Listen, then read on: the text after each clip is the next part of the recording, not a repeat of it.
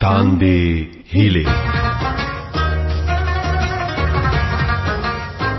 د پښتنو خزو د چارو پاړه د مشال رادیو اونیزه خبرونه اوریدونکو په تاندې هلي پروګرام کې مو زه فرخنده ستر کلی کوم د نن په پروګرام کې په سیاسي او ټولنیزو چارو کې د خزو د مزاحمت او د دوی د کوششونو په اړه خبرې اوري او دا به هم واوري چې سیړونکو په افغانستان کې د طالبانو له راتګ وروسته د خزو مظاهرو او د دوی مزاحمت ته څنګه ګوري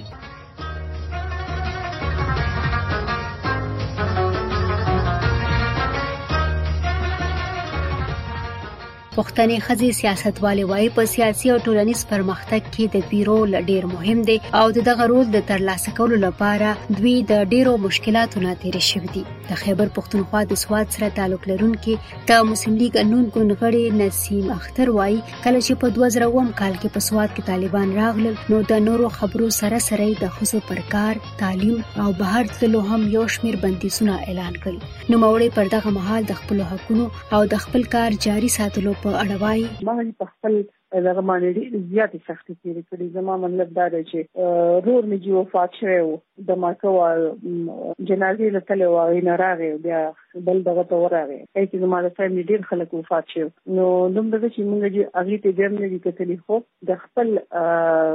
علاقې او د خلکو ډېر زیات خدمت کړی دی. اورېدونکو چې کله په افغانستان کې د اګست پر پنځلسمه طالبانو د کابل کنټرول ترلاسه کړ او د افغانستان د زیاترو سیمو د نیولو اعلان یې وکړ نو له دغه وروسته هغه اندېښنې هم زیاتې شوې چې ګینې طالبان به اوس د پخوا په څېر د جینکو پر تعلیم او د ښځو پر کار روزګار یو ځل بیا بندیزونه ولګوي د طالبانو د حکومت ویاند او د دوی د اطلاعاتو او فرهنګ وزارت مرستیال ذبیح الله مجاهد میډیا ته ویلي چې خزي کولې شي د اسلامي تعلیماتو تر مخه خپل تعلیم جاری وساتي او یا خپل کارونو ته ستني شي خو داسې راپورونه هم دي چې په زیاترو سیمو کې خزي له کارونو نه منې کړل شوې دي له پیښوره لیکوال او شاعره کلثوم زیب چې خپل کابل ته په دې نېکته کلونو کې تللې ده وایي د ټولنې د یو ښه بدلون لپاره د خزو مبارزه ډیره مهمه ده نوموړي وایي افغان میرمنو وښوده چې دوی په ډیرو ناامنو حالاتو کې هم خپل مبارزه جاري ساتلی شي او په هغه هیواد کې د بشري حقوقو د سرغړونو خلاف خپل غږ پورته کړ نو خزي هغه د زمونږ د ایشین ملکونو دي او هغه د بهر د یورپی ملکونو دي یا د خارجي ملکونو چرته هم دي نو د خزو استحصال چې دینو روان دي کنه او بیا په داسې علاقه کې چې هغه افغانستان کې بیخي حالات بدل شو هغه ملک چې تیرو څه وختونو کې مونږ هغه لیدلی دی هغه کتلی دی هغه ډیر پرمختګ کړی او ډیر مخ په ترقۍ روان وو او د هغه ځای سړکونه د هغه ځای دوکانونه د هغه ځای چمنونه سکولونه، کالجونه، یونیورسټۍ ایون تر دې چې موږ بیا جلال اباد کې د ډېم هم وکتو د بجلۍ چې کوم یو وو که نه خصوصي موږ لاړو موږ وکتو نو دا ټول څیزونه په افغانستان کې وو او دا ټول چې کله ټیک شو او اچانک داسې په تیار کور باندې څوک راشي قبضه وکړي خلک مړه کړي خلک ونیسي او د خلکو ژوندونو ته خطره وي بیا خلک تښتي د هغه ځای نه نو په داسې حالاتو کې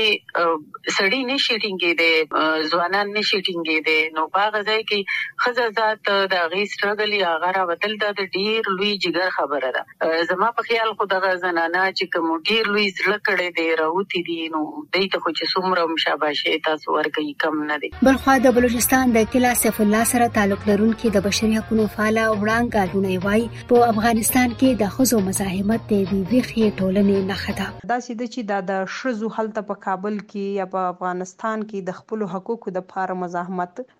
راوتل، پروټیسټ کول، د خپلو حقوقو خبره کول دا د ژوندیو د ویشو خلکو کار وي، نو دا د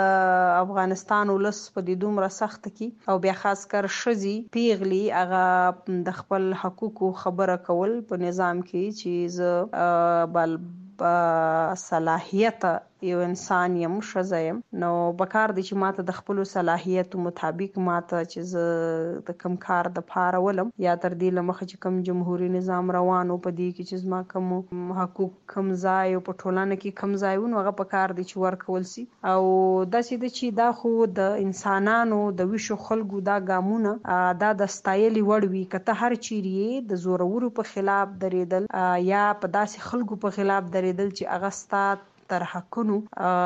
باندې پښه اړوي، ستا حقونه نه درکوي، نو د خپل حق دپاره درېدل چې کوم دي هغه بیا په انسان باندې فرض شي، بیا خاص کر په ښځه، بیا په پښتنه ټولنه کې چې کومه ښځه ده، څرنګه دا اوس چې کوم کیسه روانه ده، یو مجلس د طالبانو له خوا په اخیستل شوی دی، نو په دې کې چې کومې دوی دعوې کوي، په خبري کانفرنسونو کې چې کومې دوی خبرې کوي، نو خدای دې وکړي چې دوی پر هغو خبرو پوره پوره عمل وکړي او دلته چې په وطن کې کومې با صلاحیته خویندې اوسي، هغو ته خپل حقونه ورکړي، د قام د ښه سبا لپاره، د دې وطن د جوړولو لپاره، د دې وطن د پرمختګ لپاره، د دې وطن د سوکالي لپاره.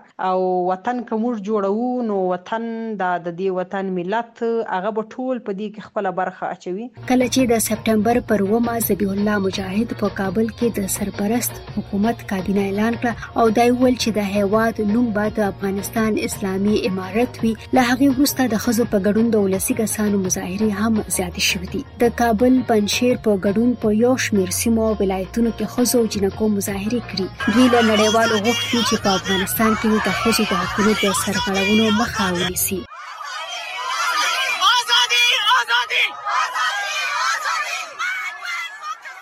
د کابل د تیر اونۍ په مظاهرو کې یوه ګډون کوونکې فرشته موحد هم ده فرشته وایي دا دوه غوښتنې لري لومړی دا چې نور هیوادونه دې په افغانستان کې لاسوهنه بند کړي او دویمه دا چې ښځې دې کار ته پرېښودل شي اصلا مردم نمیخوان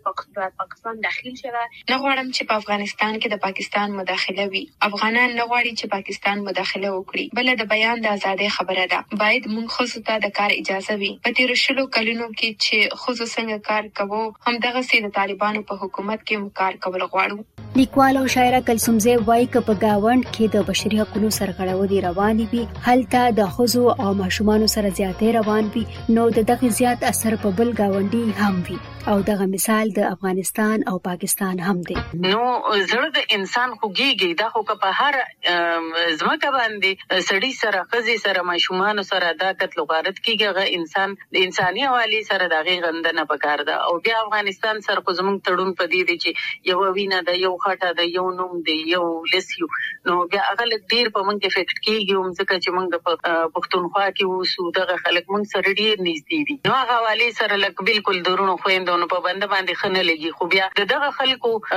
سره چې څه وشو هغوی ووهل شوې وټکول شوې د هغوی بې عزتۍ وشوې څنګه څنګه موږ دا ډیر وایلنس والا ویډیوز موږ وکتل کورونو ته دننه کیږي چې چرته تیر فوجیان وغیره چې هغه مړی دغه کېږي سوشل میډیا د دې خبرونو نه ډکه ده څوک دی وخت کې نه خبره نه دي تاسو مشال رادیو ته وګورئ ل 2 میلیونو نه زیاتو خلکو د مشال رادیو فیسبوک پاڼه خوښه کړې ده زرګونه نور مو پر ټوئیټر تعقیبوي او د ورځې له تازه خبرونو روانو چارو او مهمو پیښو ځان خبروي تاسو مو هم بدرګه کړئ پته مو ده facebook.com/مشال رادیو twitter.com/مشال رادیو instagram/مشال رادیو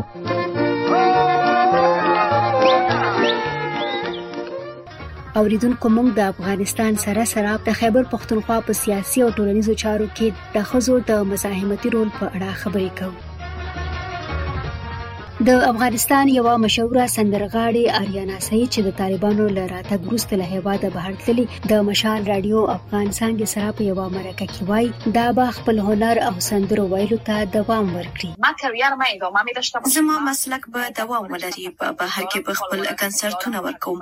خلک زما سره مینه لري، خو زه خفه د هغو سندرغاړو لپاره یم چې هغوی په افغانستان کې دي او له همدې لارې خپله نفقه برابروي. په فن، هنر او شاعرۍ کې هم د ښځو د مزاحمت ذکر شوی. په پښتو ادب کې په کورني، ټولنیز او سیاسي ژوند کې د ښځو د مزاحمت او د خپلو حقونو لپاره پر غږ پورته کولو کلثوم زیب وايي، ښځې همېشه ښځه په پښتو پښتني معاشره کې پښتني ټولنه کې د جبر او د ظلم او د دې ښکار شوې ده نو ښځه که شاعرۍ ته راځي نو هغه خپل فیلینګ صرف په دې طریقه ویلی شي چې هغه د شعر یا د ټپې یا د دې په ذریعه باندې مخې ته راشي او هغه خپل د زړه اواز د ننه خپل پیغام په دغه شعر کې اوسي نو بلکل مزاحمت کوي ښځه خو د قلم اوس ما یو کتاب راغی دريو دورونو د پښتنو شاعرانو او نظر نګارو ښځو هغه لکه هغې کې کلاسيک دور دی هغې کې متوسط دور دی په ميډل ايرا چې ورته موږ کوم وايو اوس جديد دور دا ټولې ښځې په نثر نګارې او نظم نګارې هغې کې مراجمه کړي دي د هغوی د ژوند حالات د هغوی شاعري، د هغوی په شاعرۍ باندې نظر، د هغوی د کتابونو نه چې کوم ویو ما اخیستی دی، هغه مې هم پکې اچولی دی، نو دغه یو تحقیق لحاظ سره ډېر اهم څیز دی. نو دې کې تاسو کوم داسې مثالونه ورکړي د ښځو چې هغوی مزاحمت کړی یا په سیاست کې یا په ټولنیز ژوند کې او راوتلي یي د یو چا خلاف په پخوانو وختونو کې. جی نو هغې کې چې ماته څه په نظر راله نو هر یوې ښځې دغه ژړا فریاد او دا کړي دي کنه د زرغونې ابای والا هغه زمونږ ړومبی شاعره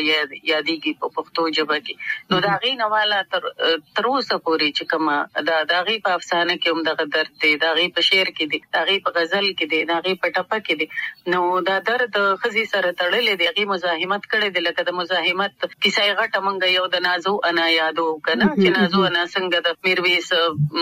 مور وه او هغه څنګه هغي تربیت کړی وو بیا هغي خپله شاعري څنګه کړی وه بیا هغه په هغه میدان کي جنګیدلي څنګه وه نو هغه وخت کي د هغي وخت د هغي خیطې د معروضو مطابق هغي خپل عمل کړی دی اوس چې څومره وخت تیریږي او کوم حالات معروضي مخې ته راځي په هغه حواله باندې چې څنګه زما ته اوس ټویټر دی هغه وخت کې ټویټر نو خپله جګړه مونږ کوو مونږ اواز ښځې اوچت کړی دی کا په هر دغه دی اوریدونکو مونږ په دې اړه د سیمې د سیاسي چارو د یو کارپو افراسیاب خټک سره هم مرکه کړې ده او په سر کې مو ترې پوښتلي چې دوی په افغانستان کې د ښځو مزاحمت د دې مظاهرو ته څنګه ګوري او دا چې د افغانستان پر اوسنیو او را روانو حالاتو به د دغه څومره اثر وي نو موري وای ارڅاوي چې طالبان یو له سره په خوا هم خلکو لیدلی چې افغانستان ته دوی تللی نو نظام ختم کړي او جمهوریت ختم کړي او انساني حقوق ختم کړي ملي نخې نخانه ټول ورانې کړي وي کاغه ملي پیدا کاغه ملي شروط ترانه وا کاغه نورې نخې نخانه تاسو ورته چې یعنی نوروز جرګه، بودا، بامیان دا ټول شیان یې وران کړي وو او دغسې ښځو باندې ډېر زیاتې پابندۍ لګولې وې. تېرو شلو کالو کې افغانستان بدل شوی دی، افغانستان کې تعلیم راغلی دی، افغانستان کې ښاري ژوند راغلی دی، مخکې یو ښار کار تاسو وګورئ خوست تاسو وګورئ چې د خوست کرکټ ګراونډ وګورئ، د خوست یونیورسټي وګورئ، د خوست هوایي میدان وګورئ، د خوست ما یو مثال ورکړ خو دغسې هرات، مزار شریف، نور افغانستان کې خاور نو دا خوشا بوتل ممکن نه دي خو متاسف بدقسمتۍ سره طالبان چې چا لګلې وي نو هغه دا خیال لري چې افغانستان خوشا د کولای شي او د حقوق اخیستل شي مګر د افغانستان خلکو چې څنګه مزاحمت دومره زر شروع کړو دا خو تیر ځل نه وشوي دا ځکه چې طالبان په زړه په زړه دي او افغانستان چي بدل شوی دی. او خټک صاحب د ښځو په حوالې سره تپوس کوم کنه نو اوس چې په افغانستان کې کوم د ښځو مزاحمت روان دی هغه د خپل حقونو د غوښتنو لپاره راوتلي دي کوم خیبر پښتونخوا یا پښتون بیلټ ته وګورو نو دلته کې بیا د ښځو په اوسنی سیاست کې یا په مزاحمتي تحریکونو کې یا په مدني ټولنو کې د ښځو مزاحمت یا د دوی رول ته تاسو څنګه ګورئ عرض دا دی چې ښځې خو د خدای بني آدم دي او ښځې او سړي دواړه انسانان او هغه قومونه چې په کې پنځوس فیصده ابادي یعنې ښځې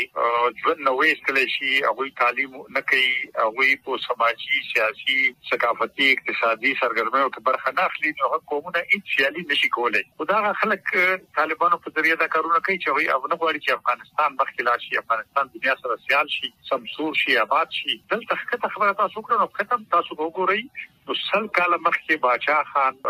او خدای خپګارو او غیر مخکې اسلام الله فاغنا په اپریل 1921 کې دلته کې د طالب خبره چې شروع کړه نو هغه په دې خبره تاکید وکړ چې خزم په کار ده چې تعلیم وکړي او باچا خان خپل لور باندې تعلیم وکړو مثال یې جوړ کړو دا چې رو رو لیکنې له خځو لیکنې او کړې د پښتون رساله کې به لیکنې کولې نو دلته کې هم اوس خو خځې د سیاست کې مثال لري اسمبلیو کې راځي پارلیمان کې افغانستان کې به تکړه خځې تیر شلو کالو کې موږ پارلیمان کې ولیدي سماجی ژوند کې ولیدي لیکوالې ولیدي ژوند په هر شوبه کې نو دا چې اوس هغه خځو اسکل دا خو اصل کې افغانستان تباه کول، افغانستان خرابول، ورانول خبره هم دا او انسانیت او خلاف ورزي ته دا په کامیابې نه شي، په اوږدې موده کې خو دا ده چې افغانستان ته هم زیان ورسوي او دې ټولې سیمې او نړۍ ته به زیان ورسوي. تاندې هیلې. د پښتنو ښځو د چارو په اړه د مشال راډیو اونیزه خپرونه. د هرې چهارشنبې او جمعې په ورځ له مشال رادیو نه اوریدونکو دا د نن ورځې پروګرام چې تاسو پکې د افغانستان د خیبر پښتونخوا په بلوچستان کې په سیاسي او ټولنیزو چارو کې د خزو د مزاحمتي رول په اړه خبرې اوریدي اوس زه فرخنده اسد لتاسو اجازه غواړم ته خوده په امان